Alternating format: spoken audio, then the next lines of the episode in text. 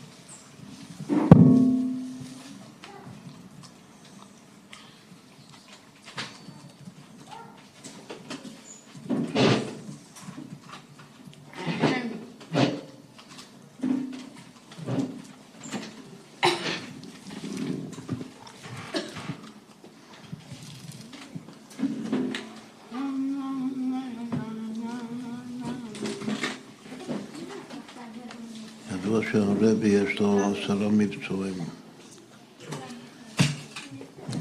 אחר כך הכל כלול בתוך אה, מבצע משיח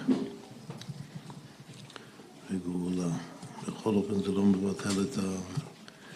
את העניין מה שהרבי אה, ייסד במשך כל שנות הנשיאות שלו, זה עשרה מבצעים. זה התחיל ממבצע תפילין. שזה היה לפני מלחמת ששת הימים. זה היה מכוון קודם כל לחיילים, שזה ייתן כוח רוחני לנצח, שידיד הנצח. זה הכל מתחיל מתפילין. זה המצווה, המצווה המיוחדת של הבר מצווה, המאמר שחזרת עכשיו זה מאמר של תפילין. ואיך שהתפילין המצווה של תפילין שקולה כנגד תלמוד תורה, שכנגד כולם.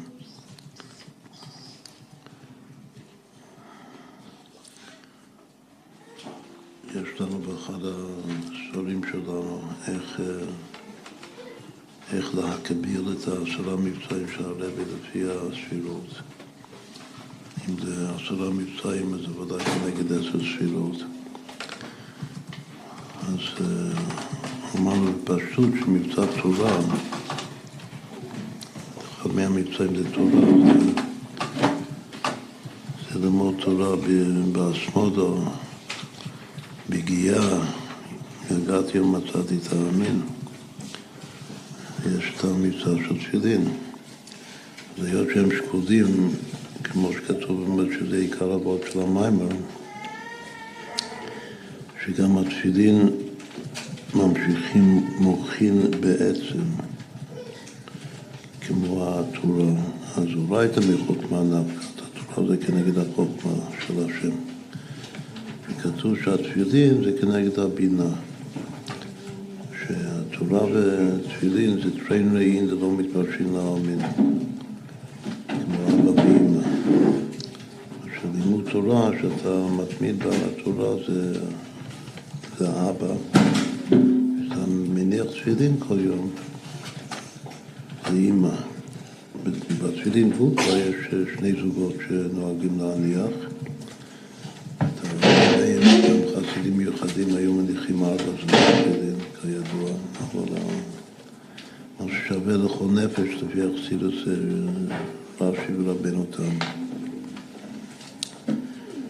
וזה גוף כנגד מוחין דאמא ומוחין דאבא. אבל ההוכו, עיקר התפילין זה רש"י, רבנו תם זה מעלים בקודש, תוספת קדושה.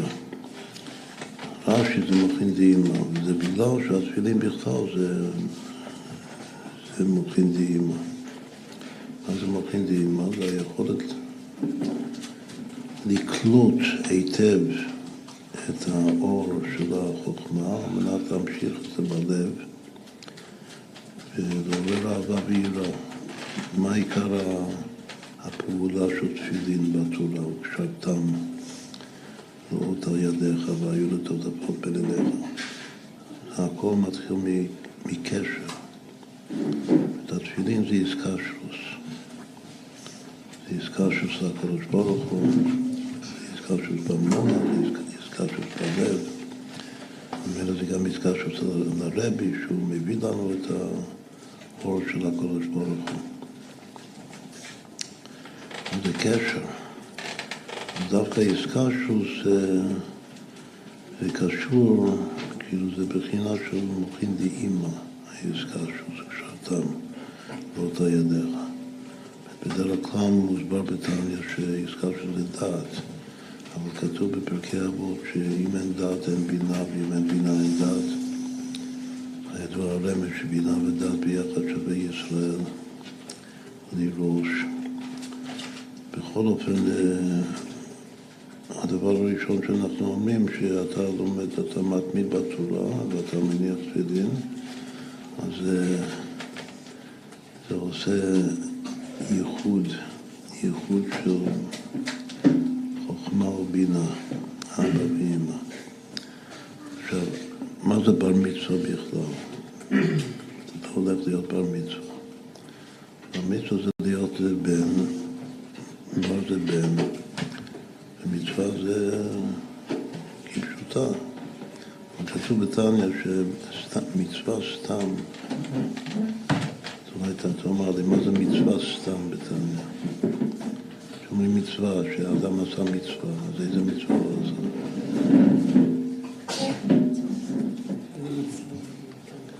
שומעים על מישהו שהוא עשה מצווה.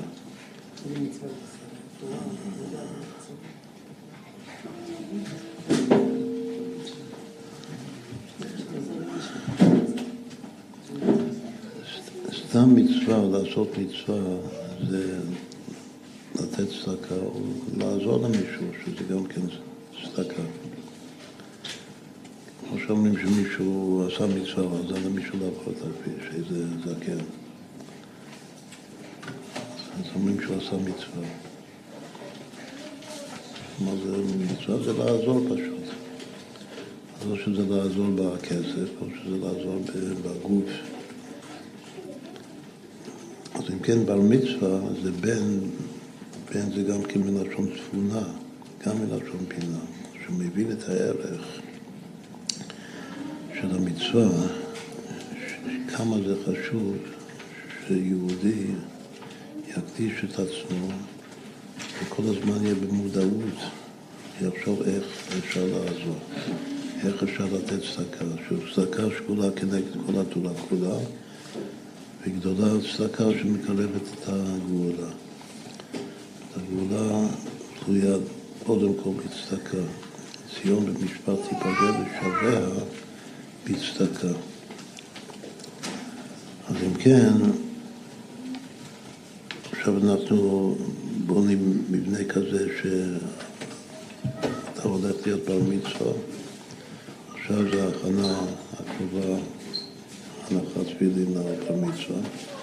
ובר מצווה צריך להתחזק מתוך העשרה מבצעים מעניינים שהרבי העיקר, אתה צריך לחשוב זה איך להתחזק בתורה, בלימוד תורה, ואיך עכשיו להתחזק במצווה המיוחדת, שזה הנחת תפילין. שהנחת תפילין שוב זה איסקשוס, להיות קשור, להיות קשור להשם. להיות קשור לרבי, לכל מה שהרבי רוצה מאיתנו, להביא, לזרז את הגאולה. וכמו שאמרנו, שסתם מצווה, בר מצווה, זה שהוא חושב איך אפשר לעשות צדקה. עכשיו, אתה לא, אתה לא עדיין אדם גדול שאתה מרוויח הרבה כסף ואתה יכול לחלק הון תועפות. אם אתה מכיר מישהו, אתה יכול אולי להטרים אותו. אבל צריך שוב לחשוב על זה ולעזור איפה שאתה יכול לעזור. גם, גם ילד, או בכל שכן בר מצווה, יכול לעזור בפורום ממש לחברים. ובכלל, להפריש יש לך מטבעות, להפריש כל יום צדקה ולבקש מהשם שתוכל לעשות צדקה כדבעי, כמו שצריך, הרבה צדקה. עכשיו אמרנו שתורה ו... תורה ותפילין זה חוכמה ובינה, עשרה מבצעים. עכשיו, צדקה זה גם מבצע, גם אחד בעשרה מבצעים של הרבי, מבצע צדקה.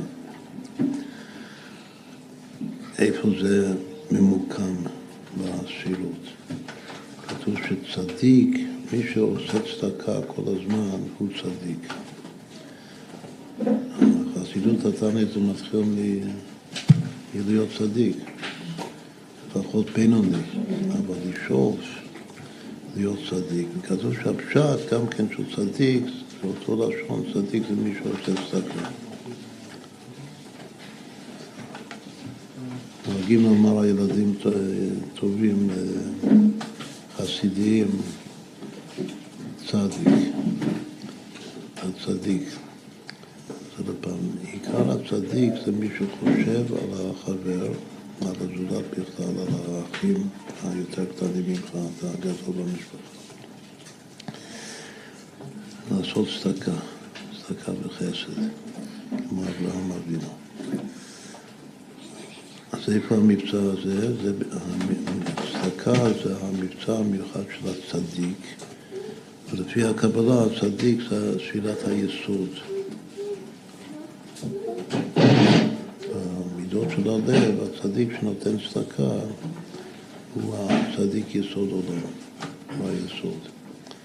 אז אם כן, תורה זה חוכמה ותפילין זה בינה, שזה זוג, וצדקה, המבצע של צדקה של הרבי זה המבצע שכנגד ה...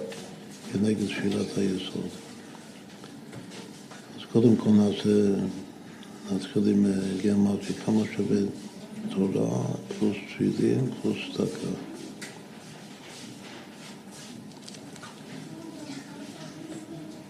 נעשה תרגיל ביחד. תורה זה 611,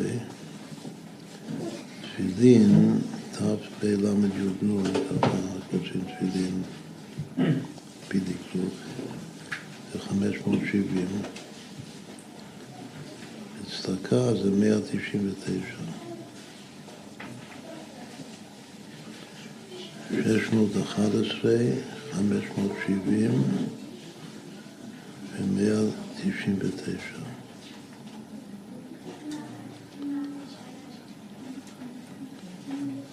אם תעשה את החשבון, תראה שזה שווה 1,380, שזה עשר פעמים מנחם, מה שקוראים לך שמו מנחם מנדל.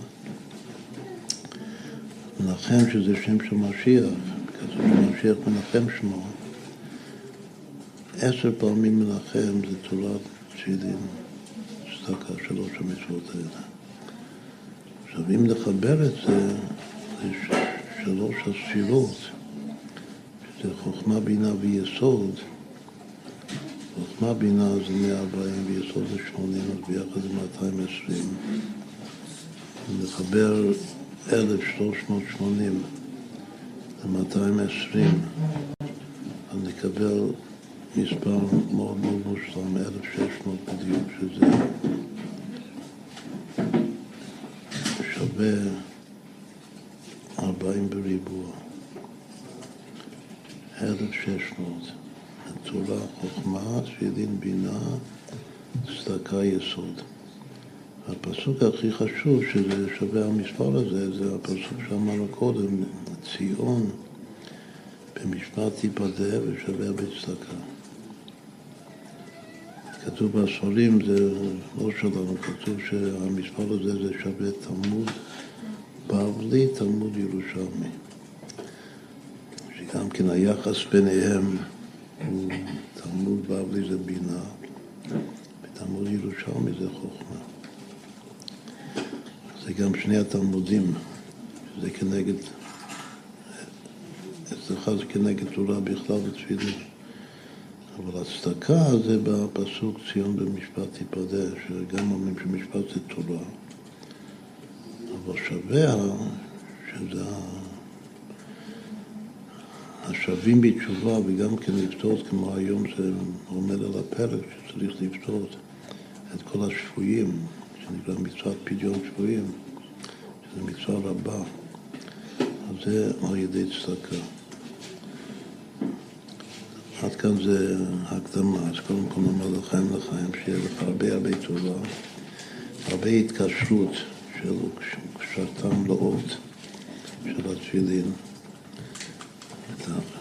כשאתם לא עוד שזה תפילין של יד, אז בדרך ממילא והיו לתותפות. התפילין של ראש זה יוצא בדרך ממילא מההתקשרות שהוא כשאתם לאות. תפילין זה אות, כמו ששבת זה אות וברית מילה זה אות. אז קודם כל נאמר לחיים ולחיים. הרבה חשק ללמוד תורה והרבה הרבה אהבה וחשק להניח תפילין. כתוב שהצדיק היה ממש אוהב את התפילין שלו, מנשק את התפילין, שזה הדבר שהוא הכי אוהב, את התפילין. שיהיה לך הרבה חשק ללמוד תורה והרבה אהבה לתפילין שלך והרבה אהבת ישראל, זה גם כן מבצע של הרבים. המשרה של אהבת ישראל, של הרבי, אהבת ישראל, ואחדות ישראל, זה הדעת, זה השורש של היסוד. שמתוך אהבת ישראל אתה רוצה לתת כמה שיותר צדקה ולעזור לכמה שיותר יהודים, גם בקצב וגם בגוף שלך, לעזור. לחיים לחיים.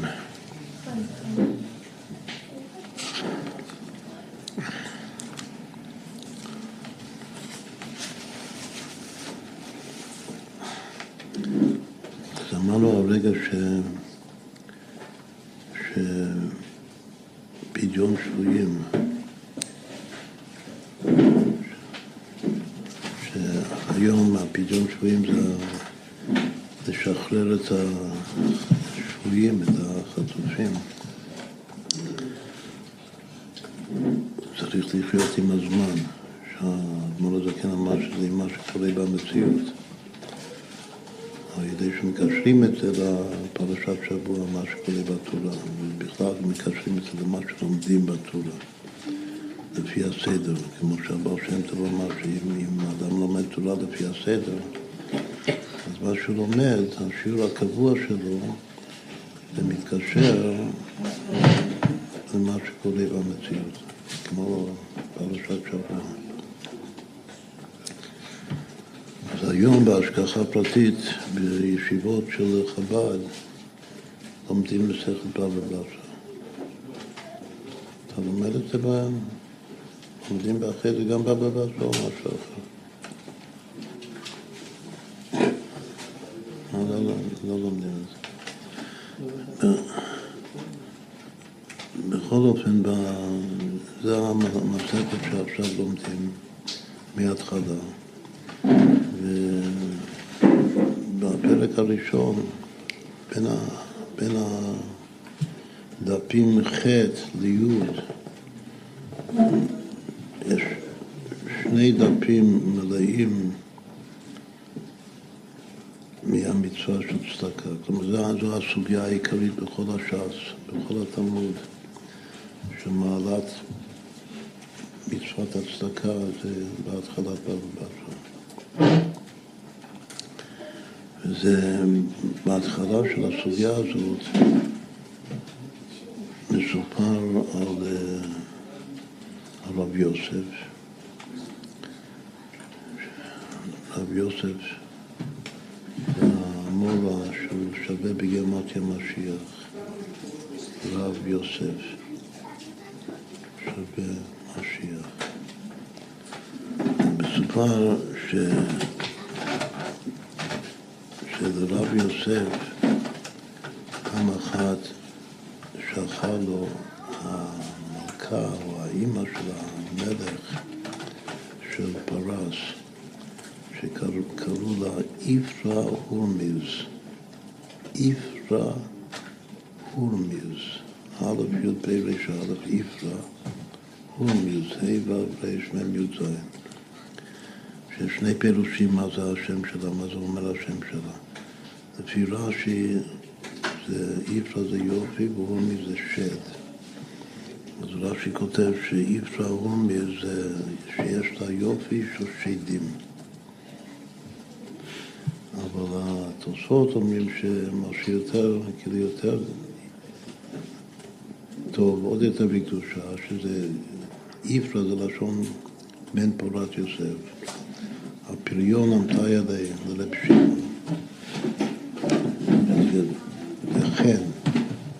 חן זה כמו יופי, אבל הוא כותב שזה חן. והורמיז, הוא אומר שהורמיז זה, זה בעצם הקדוש ברוך הוא, השם הוא השכינה. אז לפי רבנו, זה רבנו תם בתוספות. כאילו רבנו תם מפרש אחרת מסבא שלו, מרש"י. רש"י אומר שאורמי זה שדים, ורבנו תם אומר שאורמי זה השם, או השכינה. אז לפי רבנו תם המלכה הזאת היא חן השכינה, או חן הקדוש ברוך הוא. לפי רש"י זה חן של שדים, יופי של שדים. בכל אופן,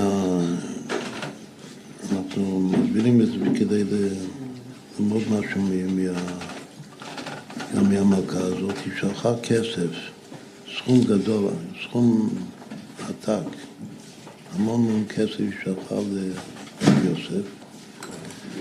היא אמרה שאני נותנת לך את הכסף הזה כדי שתעשה בכסף הזה מצווה רבה. שאתה, על פי פשט זה מכה גויה, כן? עובדת עבודה זרה, ככה נדמה. אבל זה לא פשוט, המלכה הזאת יש לה איזו סימפתיה, אהבה מיוחדת ליהודים. יש כמה וכמה סיפורים עליה בחז"ל. והיא גם כן, היא שולחת כסף לרבנים הגדולים בשביל לחלק לצדקה. אז יש לה כאילו איזו זכות גדולה מאוד שהיא נותנת אה, כסף לצדקה. אבל בפעם הזאת היא אמרה במיוחד שאני רוצה ונותנת את הכסף כדי שתעשה עם זה מצווה רבה. כתוב בגמרא שרב יוסי קיבל את הסכום הזה, הוא ישב בבית מדרש, הוא דן כמה עין בה, הוא עיין בסוגיה מה, מה זה מצווה, היא נותנת לי בשביל לעשות מצווה רבה. מה זה מצווה רבה? ואז אביי אה, אמר לו, הביא לו, אביי זה תלמיד שלו, של רבי יוסף. אז הוא הביא לו מקור, ברייתא.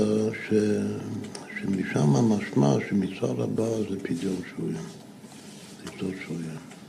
אז ככה באמת ההלכה, שמצווה רבה זה פדיון שבויים. לפעמים כתוב שמצווה רבה זה פרו ורבוע, המצווה הראשונה של התורה. כנראה שיש קשר ביניהם, אבל בנוגע לצדקה, שסתם מצווה, כמו שאמרנו קודם, כתוב בירושלים, מובא בתניא, שסתם מצווה זה צדקה. אז, יש צדקה, ויש צדקה, הצדקה הכי גדולה. מה הצדקה הכי גדולה, הכי חשובה מכל הצדקות שאפשר לתת במצווה רבה? אז כאן בסוגיה זה פדיון שבויים. אז ככה כתוב, זה התחלת הסוגיה של הסוגיה העצומה בעבודה של הצדקה. מתחיל מהסיפור הזה של איפרו הורמס. עכשיו לקראת הסוף של הסוגיה, שזה כאילו צריך הרבה הרבה ללמוד עד שמגיעים לסוף. אז יש עוד סיפור של עברה גורמי, של שהיא שלחה צדקה, גם כן המון כסף, בלי לומר מישהו מה, בשביל סתם לחלק לעניים. שלחה לרבי עמי, אצלי הייתה בפרס, בשושן, נאמר, שושן הבירה. רבי עמי היה בארץ ישראל, זה המורה של ארץ ישראל. ככה המפרשים מסבירים, ככה זה הפשט. והיא שלחה לו את הסכום הגדול הזה של כסף, וכתוב שהוא לא רצה לקבל את זה. למה הוא לא רצה לקבל את זה? בגלל שהוא לא רצה לקבל אה, כסף מגויים. למה הוא לא רצה לקבל כסף מגויים? מצטקה. הוא לא רצה להרבות את הזכויות של הגויים. הוא סבר שאם הגוי נותן כסף להסתכל זה זכות. אם זה זכות, אז זה מקיים את, ה, את המלכות של הגויים, זה מקיים את העבודה הזרה של הגויים. לכן הוא לא רצה לקבל את הכסף הזה מאיפרו הורמיז. אז מה היא עשתה? אז היא, הוא את הכסף. מה, מה, מה היא עשתה? היא לא, היא לא התחלתה ולא התייאשה. היא שלחה את הסכום הזה לרובו. רובו היה בבל תחת הממשלה שלה. עכשיו, רובו הוא המורה הכי חשוב בתלמוד בבלי, בכלל. חוץ מכמה מקומות שההלכה כהוואי מתואר חבר של. אז תמיד ההלכה זה כמו רובו. אז איש אחד לרובו, והוא כן קיבל את זה, לא כמו רבי עמי, קיבל את הכסף, הוא, אמר שהוא מקבל את זה משום שלום מלכות. למה הוא לא סובר כמו רבי עמי שאסור לקבל כסף מגויים? אז כתוב שם שזה בגלל שלום מלכות, מה זה? שאם אני לא מקבל, אז המלכות תכעס, תקפיד. וזה יכול להיות מסוכן ליהודים. לכן, משום שלום מלכות, אני מקבל את זה. אבל מה? אז יש שאלה, אז מה עושים עם זה? במקרה הזה היא לא סתם, היא לא אמרה משהו מסוים מה צריך לעשות במצווה סתם. אז, אז כתוב שהוא חילק את זה לעניים גויים, כדי לא להרבות. יש גם כן דיון שלם האם יש בכלל מצווה לגוי לתת צדקה לגויים. רוב הראשונים והאחרונים אומרים שכן, שיש מצווה. אבל זה לא זכות כל כך גדולה כמו לתת צדקה ליהודים. לכן, כדי לא להרבות בזכות שלה, אז הוא חילק את הכסף הזה לגויים.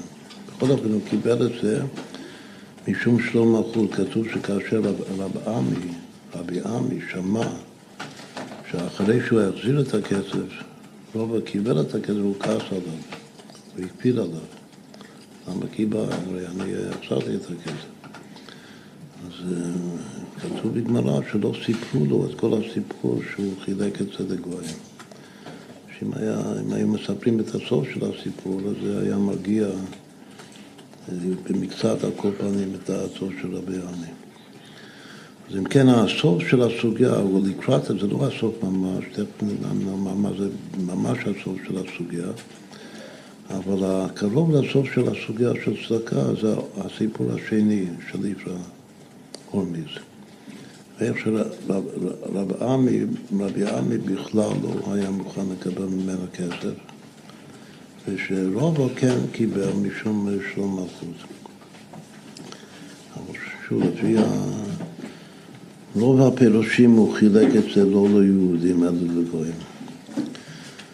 עכשיו, האם זה תואם, היות שיש פה שני סיפורים ויש פה הלכה שלא מקבלים אה, צדקה מגויים סתם, אם אין סיבה מיוחדת, כמו כאן שזה השלום מלכות, אז רוב, רובה דרובו, אפשר לומר שכל המפרשים מלבישים את, ה, את הוורט הזה שלא מקבלים צדקה מגויים, הכלל הזה צריך לאחד את זה גם כן על הסיפור הראשון, שגם רב יוסף קיבל ממנה. ואז היא ציינה שהיא רוצה לתת את זה למצווה רבה, והוא עיין, כלומר שהוא חקר בהלכה מה זה נקרא מצווה רבה. עד שבעזרת התלמיד שלו אביי הכריעו שמצווה רבה זה פדיון שבויים. ואז הוא נתן את זה לפדיון שבויים. ולא מוזכר שם בכלל העניין הזה שאסור לקבל ממנו צדקה. רק אדרבה, בזכותה קבעו מה זה נקרא מצווה רבה. עכשיו, משמע שהוא שאחרי שקבעו מה זה מצווה רבה, שזה הנושא של הסוגיה של פדיון שבויים, אז הוא, הוא השתמש בכסף הזה לפדיון שבויים. אבל היות שכתוב בסוף את כל האיסור הזה לקבל צדקה מגויים, לכן כל המפרשים אומרים שייתכן שגם בפדיון שבויים הוא השתמש בזה לפתור שבויים של גויים. אבל כשקוראים את הפשט של הסיפור הראשון אין שום אזכור כלל וכלל, לא לאיסור לקבל, וגם כן לא שהוא חילק את זה לגויים. אין שום אה, רמז לזה בכלל. אלא אם כן הולכים לסוף הסוגיה ורואים את כל, ה, כל הפלפול, גם את הסיפור בין רבי עמי לבין רובו, מה שהיה. שזה כבר, שוב, רובו הוא תלמיד של רבי יוסף, כמו אביי. כאן זה מסופר על רבי יוסף. זה, כנראה שזה קצת קודם, הסיפור הראשון. בכל אופן, ש... שחוקרים את הדמות של האישה הזאת, הגויה, לכאורה, איפרה הורמיס, עם הפירושים, שני הפירושים של השם שלה, שהיא האימא, כתוב, אימי לשבור מלכה. ואת המלך של פרס בזמן האמוראים, המלך הכי גדול ומפורסם, קוראים לו שור מלכה. כאילו בשפת פרס ובשפת כל העמים קוראים לו שפור. פ' וב' מתחלפות.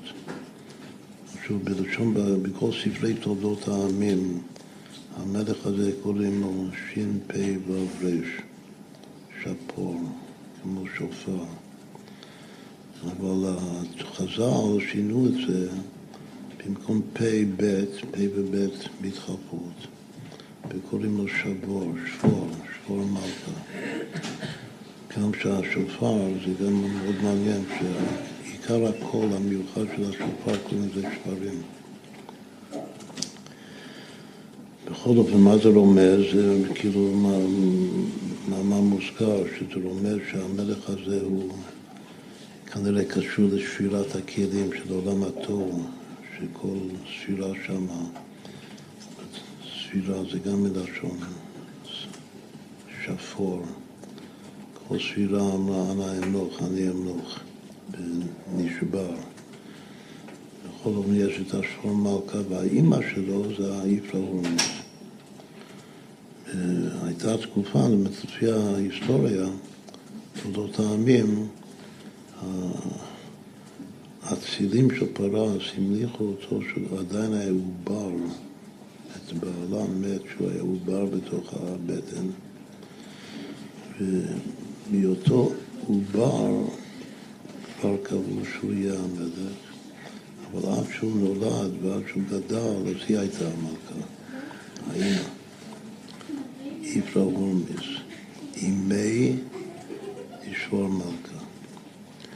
עכשיו, בכל הש"ס יש רק עוד פעם אחת שהיא מוזכרת, עוד סיפור עליה. שהסיפור הזה קשור לרובו, זה אחרי שהילד הזה גדל והפוך להיות המלך. בכל אופן, האימא שלו היא עדיין מפקחת על העניינים. אז היה כזה סיפור. שליהודים, לבית של היהודים, היה כוח להעניש, לא כמו היום. שבית דין רבני אין לו כמעט שום כוח לעקוף את הדין. אבל אה, בזמן שאנחנו שולטים בכלל, אז יש, יש גם דיני אה, נפשות. אבל אז, בפרס, לא היה דיני נפשות לרבנים, אבל לענות שגם לתת מלכות היה בידי הרבנים. אם איזה יהודי עשה עבירה שמגיע לו מלכות, אז היה להם רשות מהמלכות לתת מלכות, אבל לא, לא להרוג. אז הסיפור הוא שרובו, ששוב הוא המורה הכי חשוב, פעם אחת הוא דן איזה יהודי שעשה עבירה חמורה מאוד. אז היהודי הזה, הוא דן אותו למלכות, שצריך לתת לו מלכות. ובאמת נתנו לו מלכות, ומתוך המלכות הוא מת. עכשיו זה אסור ליהודים להרוג מישהו. בדין. אז הסיפור הזה זה הגיע למלך, שקוראים לו שלום מלכה, והוא רצה להעניש את זה, כאילו, לעשות משהו לרוב, או ליהודים בכלל, לא לזה היהודים. הוא רצה להעניש את היהודים. אז באה אימא שלו לבן שהוא המלך, והיא אמרה, היהודים, אל תתעסק עם היהודים. שכל מה שהם מבקשים מהקודש ברוך הוא השם נותן להם. ואז כדי להוכיח את זה, אז אה, היא אמרה שעכשיו יש בצורת, אז אה, הוא יבקש גשם, וזה. הגשם ירד בזכותו, של רובו, של רובו. באמת שלחו לו, הוא ביקש, ובאמת ירד גשם. אבל זה היה בימות החורף. אז שום מלכה מה שאני לא פותר אותו עדיין מעונש, בגלל שזה טבעי שבחורף יש גשם. זה לא כל כך אה, מופת גדול שהוא ביקש גשם וירד גשם. נראה אותו בקיץ, שאין גשם בכלל, שאז הוא יבקש גשם, נראה אם, זה, אם ירד גשם בזכותו. אתה זוכר מישהו בתנ"ך שהוריד גשם בקיץ לעשות אות מופת?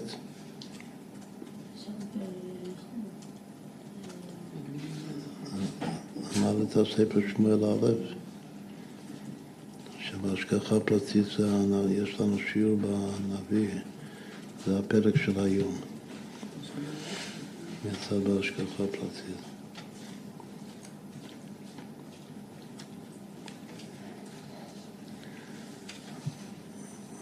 קוראים לך שמואל, נכון? על שם, על שם מי? מי השמואל הראשון? מי השמואל הראשון? נכון. שמואל הנביא הוריד גשם בקיץ כדי לעשות אות ומופת לעם ישראל, שמה שביקשו מלך זה לא היה כהוגן. ואז באמת אה, עדיין ביקשו מלך, ושמואל, השם אמר לשמואל לתת להם את המלך, והוא נתן להם אפשרות למלך. בכל אופן הוא הכריח אותם, הוא הוריד גשם באמצע הקיץ. אז כנראה שרובו כאן זה איזה גלגול של שמואל הנביא.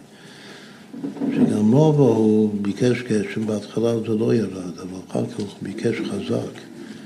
והוא אמר להשם שהנה אתה, אתה עושה ניסים, אז צריך, צריך לעשות עכשיו נר. הוא בתוקף, בחוזקה, בתפילה שלו, אז הוא הצליח שהגשם ירד באמצע הקיץ, הרבה גשם, שיטפון של גשם, כמו שכתוב שם. אז כל זה היה בזכות יפרו הורמיז, האימא של שלמה כשאמרה לבן לא. לא להתעסק עם היהודים, כאילו לא להעניש את היהודים. אז מה רואים מכאן? זה הכל שאין עוד אה, סיפור בחז"ל של, של האישה הזאת. אז מה? מה?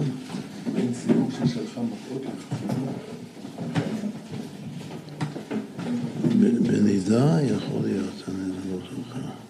אני, אתה מזכיר לי, אני זוכר שיש כזה דבר, אבל זה גם תגיד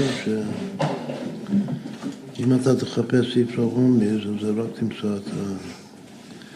את הסיפור הזה בתענית, מה שסיפרנו עכשיו, ושני הסיפורים בהתחלה ובסוף של הסוגיה של הצדקה בבבא בתרא. יש גם שיר שלך, גם בזבוקים שיר שלך. מה? יש גם קורבן לרבה, וגם בנידה שהיא הייתה שלחה מראות לרבה, מדם חינוד. בלי היוד. אה, כתוב איפה בלי היוד. לכן לא ראיתי. אז בזבוכים שלחה קורבן. שלחה קורבן לרבה, שיעלו אותו לשם שמיים. שיעסקו אני עלי לשם שמיים. שמה? עסקו אני עלי לשם שמיים. מה הוא עשה עם זה?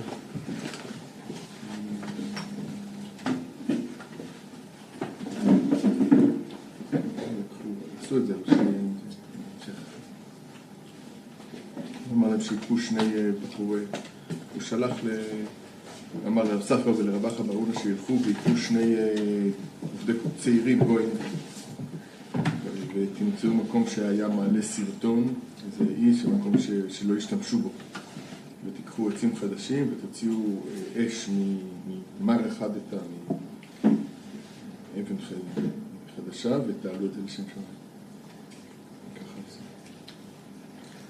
מה עוד? יש את המראות כאן? ובנידה, זה הרב פעם באמת, הרב עשה לי השיעור אה, לכבוד פולארד, פדיון שבויים. מה? לכבוד פולארד, פדיון שבויים. שהוא היה...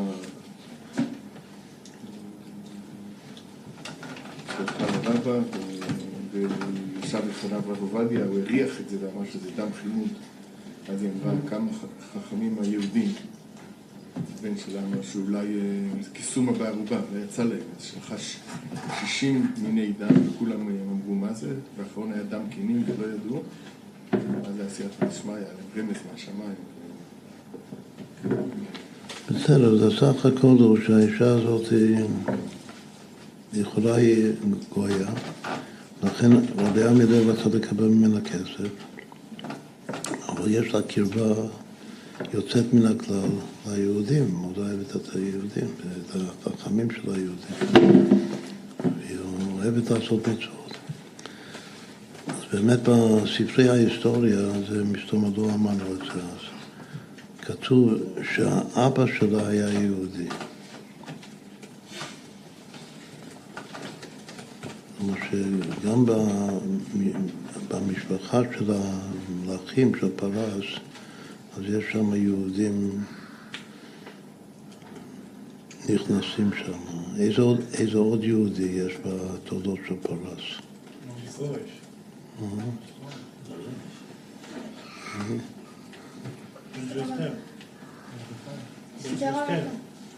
הבן, כן, אסתר המלכה. את כל הסיפור של מגילת אסתר.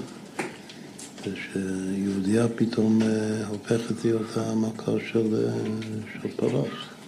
אז הבן שלה, דריווש, שהוא לכאורה על פי ההלכה, הוא, יהודי, יש לו אימא יהודייה. וכאן כתוב שהאבא שלה, של היפרומיס, היה יהודי. מה ההלכה? כתוב שהאבא שלה היה יהודי. ההלכה אם, אם יש גוי שהאבא יהודי והאמא גוי, אז הוא... אז זה גוי על פי ההלכה. מה, מה, איך צריך להתייחס אליו?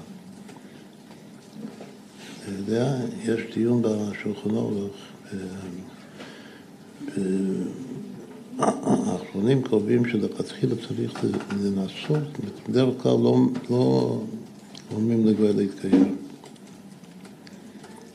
אם הוא רוצה באמת, אז בסדר, אבל לא משתדלים לשכנע אותו שכדאי להתגייר, אם הוא לא רוצה. אבל כתוב שאם האבא יהודי, כלומר שיש מושג דם, יש לו דם יהודי, אז, אז כן יש מצווה לשכנע אותו, לנסות לשכנע אותו. לקרב אותו, להתגייר, אם להתגייר זה באמת, כן, שיקבל כל מצוות. אבל לומר לו ש... שכדאי לו להיות יהודי. אז אם כן, גם האישה הזאת זה חל עליה. עכשיו, הסיפור הראשון שם של רב יוסף, אצלנו בסוגיה, אמרנו שאין שם שום רמז שיש בעיה לקבל ממנה כסף, אדרבה, בזכותה למדו מה זה, מה זה מצווה רבה. אז מה, מה רצינו לומר? שלכאורה לפי הפשט זה לא כמו כל הפרפור של האחרונים, איך הוא קיבל את הכסף והכל. זה פשוט בגלל ש... שרצה לקרב את האישה הזאת אם היא תתגייר, זה יהיה השפעה מאוד מאוד גדולה ותיקון מאוד גדול בשמיים. עכשיו, איך, איך האסמכתה שזה באמת פירוש אמיתי מה שאמרתי עכשיו, ולא סתם. זה שמסתכלים על, ה, על הסיום ממש של הסוגיה הזאת, של צדקה. הס- הסיום ממש זה סיפור של עוד מישהו, שהעוד מישהו הזה קוראים לו, זאת אומרת, עוד אחד שהוא לכאורה מרקע של גויים, אבל השאלה מה, מי הוא אפילו. יש אחד שקוראים לו מונבז המלך. שמעת פעם על מונבז? השם הזה מונבז. מונבז המלך, שגם יש לו אימא שקוראים לה הילני המלכה. עכשיו, לפי, גם פה יש מחלוקת המפרשים מי זה הבן אדם הזה. שלפי לפי רש"י וגם תוספות זה אחד מבית חשמונאי. כמו שזה זה יהודי מבית חשמונאי. איפה, בכלל מה זה מלך? אם הוא מלך, זה מלך באיזה מקום, איפה הוא מלך. אז גם לא כתוב בדיוק איפה הוא מלך, אבל הוא מלך. עכשיו, לפי האחרונים, כל האחרונים, מהמרשה והלאה, וגם לפי ספרי ההיסטוריה, אז מונבז המלך, יש מונבז המלך, הוא מלך שיש מדינה ב, באזור סוריה, אז, שקוראים לזה חדייב, ח' ד' י' י' ב', חדייב, מדינה גדולה. והוא היה המלך, גם אמא שלו הילני, וגם הוא היה המלך של המקום הזה. ומי הוא? הוא לא מבית חשמונאי, לא יהודי בכלל. הוא מלך גוי שהתגייר, אבל התגייר כהלכה לכל דבר. עכשיו הוא יהודי מוחלט, עד כדי כך שיש לו צאצא, איזה נכד שלו, שגם קוראים לו מונבז, שהוא תנא, הוא חבר של רבי עקיבא, בבית דין של רבי עקיבא, שהוא סתם קוראים לו בחז"ל מונבז. יש תנא בשם מונבז. ואומרים שהתנא הזה בשם מונבז הוא צאצא של המונבז המלך שהיה כמה דורות לפניו, עוד בזמן הבית. אחד מהדברים שכתוב בחז"ל על המונבז המלך הזה, ש... שעשה בבית המקדש ידיעות של זהב לכל הכלים שהשתמשו בהם ביום הכיפורים. כאילו מצווה גדולה מאוד שהוא עשה. יש עוד כמה סיפורים עליו, אבל הסיפור הכי גדול עליו, שאני רוצה לקרוא בפנים, זה הסיום של, הכל הולך אחר, אחר החיתום. החיתום זה הסיום של, של סוגיית הצדקה בש"ס, הסוגיה העיקרית של צדקה.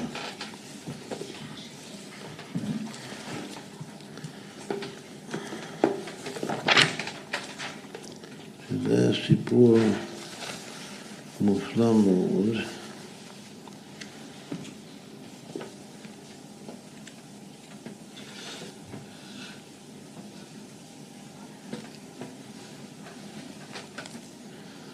כתוב כאן, תנו רבנן, מעשה במונבז המלך שבזבז אוצרותיו ואוצרות אבותיו בשני בצורת. המונבז המלך הזה, שוב, לפי עכשיו, כל האחרונים, וגם בתולדות עולם, זה מלך גוי שהתגייר, שהוא עכשיו נעשה יהודי מושלם, הוא ואימא שלו, וגם האח הקטן שלו, כולם התגיירו גיור כהלכה. והוא עשה דברים גדולים מאוד. גם בבית המקדש, אבל כאן הסיפור הזה זה איך שהוא נתן צדקה. אמרנו שאתה צריך לתת הרבה צדקה, צריך ללמוד הרבה תורה, להניח תפילין בחיבה, חיבת הקודש, ולהרבות בצדקה. והסוגיה של צדקה זה נגמר עם הסיפור הזה של מונבז המלך, שהוא בעל הצדקה הכי גדול בעולם. לפי הסיפור הזה אין מישהו שעשה כל כך הרבה צדקה כמו שהוא עשה. מה הוא עשה? מעשה במונבז המלך שבזבז אוצרותיו ואוצרות אבותיו ובזבז את כל האוצרות שלו וכל האוצרות של אבותיו בשני בצורת, בשנים ש, שלא היה לאכול, מה הכוונה שהוא בזבז? שהוא חילק אצל העניים. וכל הכסף שהיה לו, בכל גנזי המלך, הכל הכל הוא נתן לצדקה.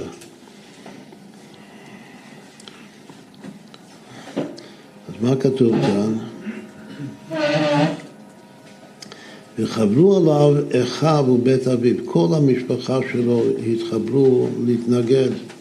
ואמרו לו אבותיך גנזו והוסיפו כל האבות שלך גנזו את כל הכסף הזה והוסיפו מדור לדור עוד כסף ועוד כסף. והוסיפו על שם אבותם, כל דור הוסיף על האבות שלו.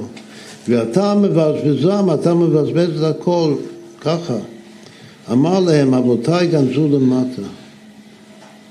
זה גר צדק, שהוא מלך, מלך של מדינה גדולה, של מיליוני אה, אנשים. אז מה, איך, הוא, איך הוא השיב לבני משפחה שהעבירו עליו ביקורת? הוא אמר, אבותיי גנזו למטה, אני גנזתי למעלה.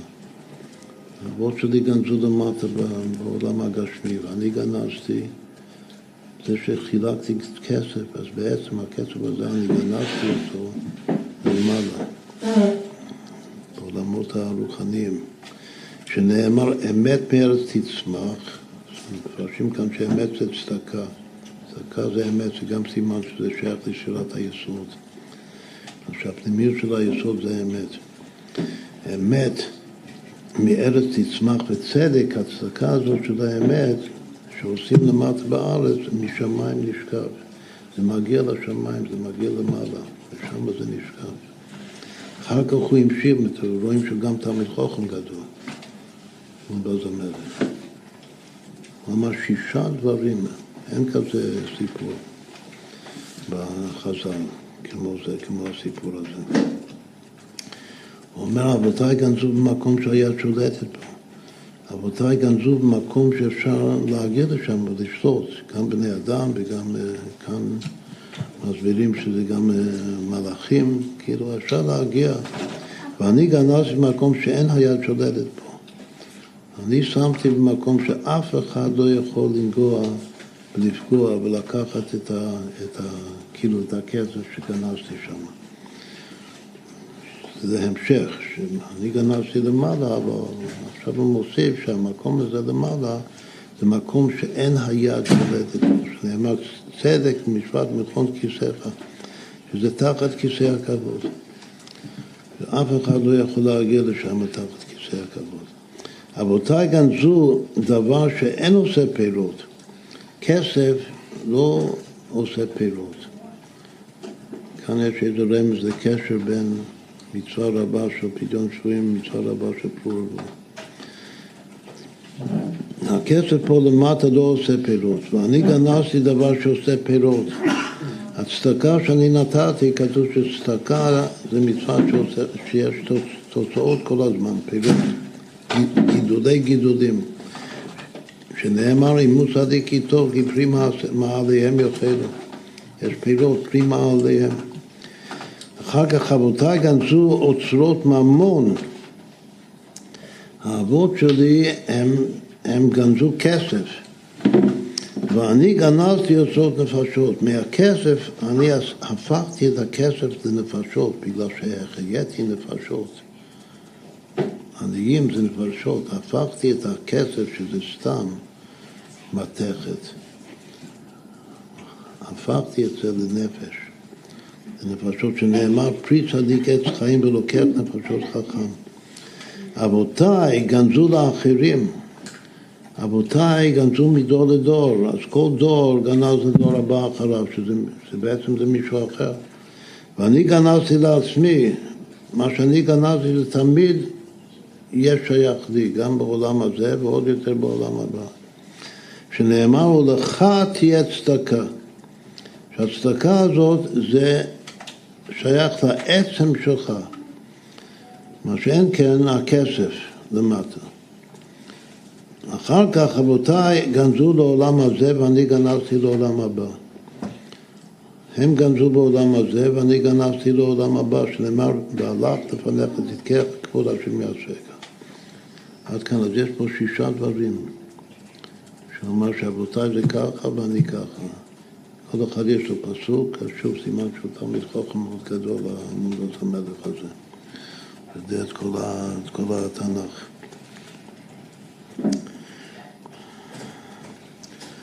אז מה זה רוצה לומר? זה רוצה לומר שתוך כדי הסוגיה הזאת שלא מקבלים צדקה מגוי, התכלס הוא זה שפתאום מתקיים מישהו והוא מלך, מלך של גויים, אבל הוא נותן הכי הרבה כסף שבעולם.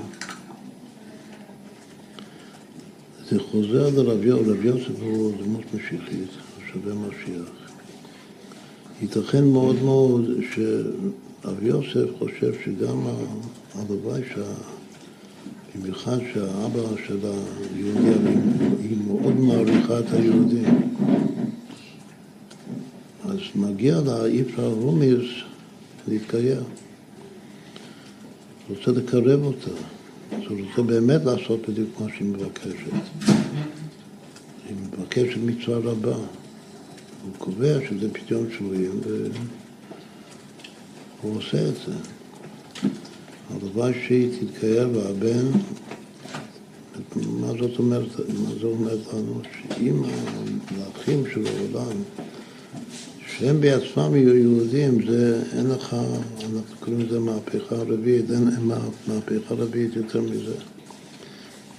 עכשיו, גם כתוב בספרי ההיסטוריה של מונבז המלך, הוא תמך במרד הגדול שהיהודים מרדו ברומאים, שזה לא הצליח. אחר כך הרומאים החריבו את בית המקדש. אבל לפני שהחריבו את בית המקדש היה מרד, כמו שהייתה מלחמה. ומונבז המלך היה כמו מדינה, כמו רוסיה או משהו. אז הוא, הוא תמך, תמך במרד של היהודים והוא מימן את זה. בגדול הוא שלח, וגם שלח כסף, שלח נשק. חיילים, חיילים, לא הצליח. בכל אופן, זה, זה שזה הסיום של הסוגיה, זה אומר דורשני, גדול מאוד, שהתכלית של הצדקה זה, זה, זה לעשות של מלכי העולם להתקרב בו כהלכה. ואז הכסף שלהם יהיה קודש. עכשיו, השישה דברים האלה שהוא אומר שאבותיי כך ואני כך, אז צריך לעשות גם כן הקבלה, לא ראיתי אף אחד שמנסה להקביל. זה לא, לא נעשה את זה כאן, זה קצת יותר מדי מורכב בשבילך. אז מסתום, לכאורה זה כנגד ששת הפרצופים של האצילות. אל תקבע אריך ואבא ואימא וזה ונוקבה. ששת הדברים שהוא כותב כאן. בכל זאת, כל זה היה בגלל שעכשיו לומדים את המסכת הזו, וזו הסוגיה שלומדים עכשיו, ושחוץ מהתפילין והתלמוד תורה, שזה מוכין, המצווה העיקרית שבר מצווה עושה זה שהוא מקבל דעת לממש, ליישם את אהבת ישראל שלו במעשה צדקה בפועל. עכשיו אתה אפילו במצוות אתה כבר עושה, אם אתה מוציא אלון לחברים, אז זה נקרא שיש לך כזה ראש, אתה רוצה להשפיע, לעשות משהו טוב לזולת, שזה יועיל. זה, זה בחינת צדקה. אז אני מברך אותך שתלמד הרבה הרבה תורה ושתאהב מאוד את התפילין שלך ושתעשה המון המון צדקה. איפה כתוב הביטוי הזה, בזבוז האוצרות? כאן בסיפור הזה, אבל איפה זה כתוב?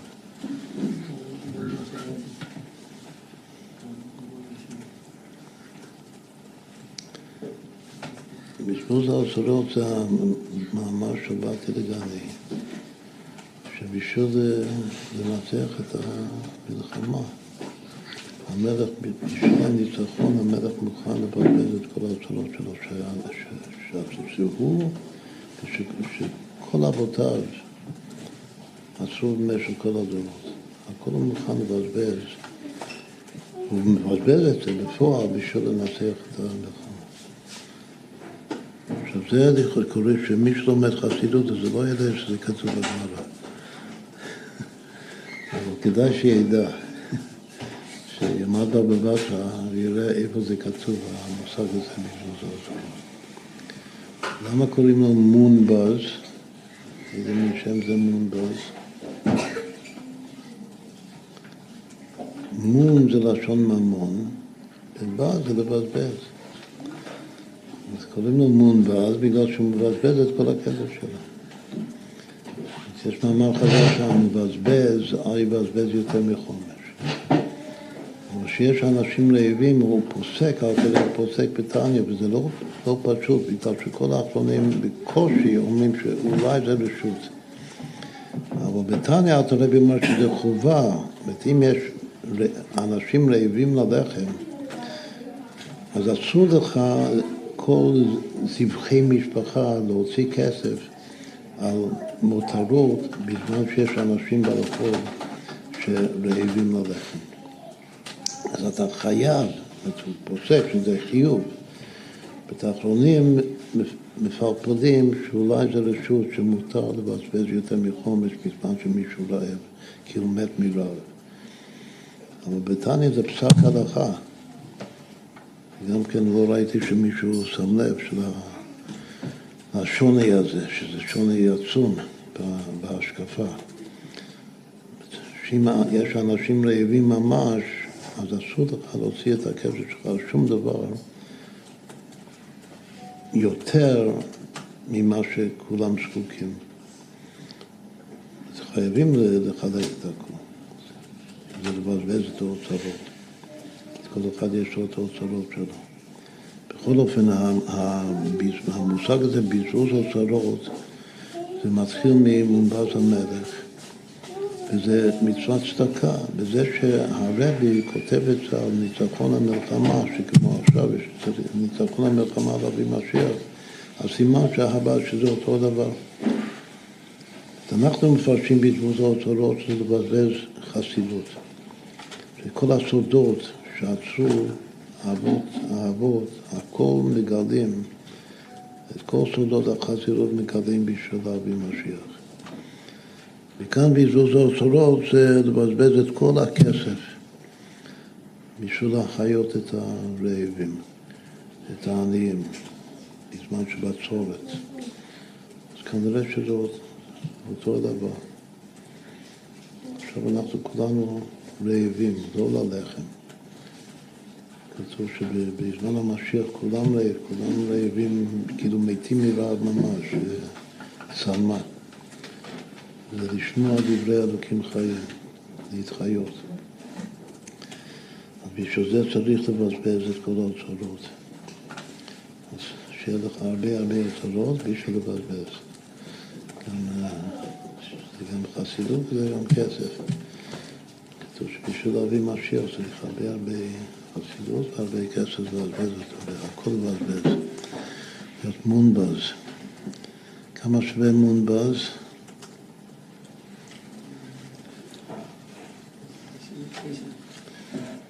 מונבז, 105. אימא שלו קוראים לה הילני. כמה שווה הילני? ה' י' ל' י'. הילני המלכה. אותו דבר. זה ודאי אומר דורשני, שהאימא והבן זה שווים. המספר הזה 105 זה שלוש פעמים חמש פעמים שבע, כמו ברכת כהנים. וגם המשולש של ארבע עשרה, זה כל המספרים יחד על ארבע עשרה, עד דוד, דוד מלך ישראל חי וקיים. זה מונבז והלני, אה, מונבז המלך והלני המלכה. לחיים לחיים, שנזכר שכל ה, המלאכים יתגיירו, וממילא ממילא יהיה הפצת התורה ומהפכה הרביעית בכל העולם כולו. משיח נא לחיים לחיים.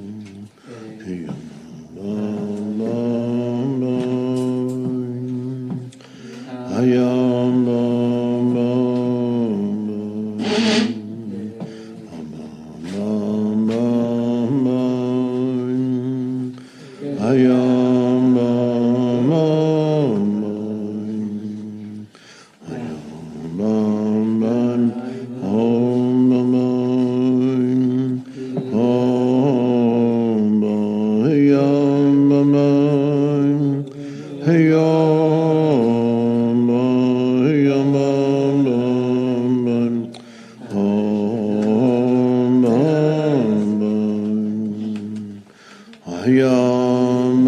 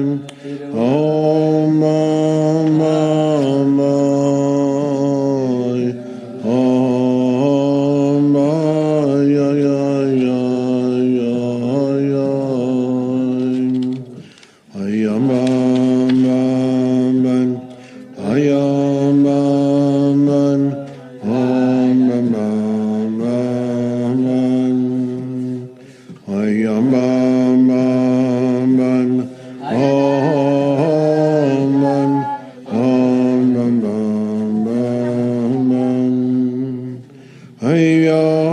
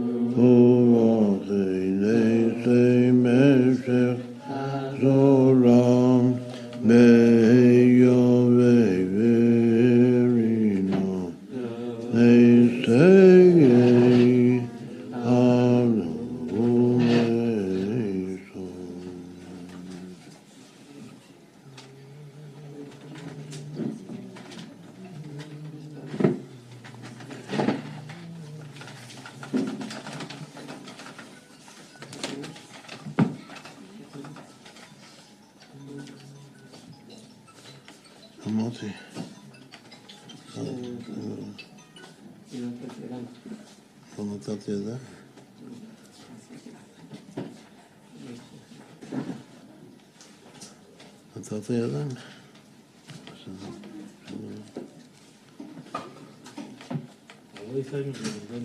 שם אדוני ברוך מעט ועד היום.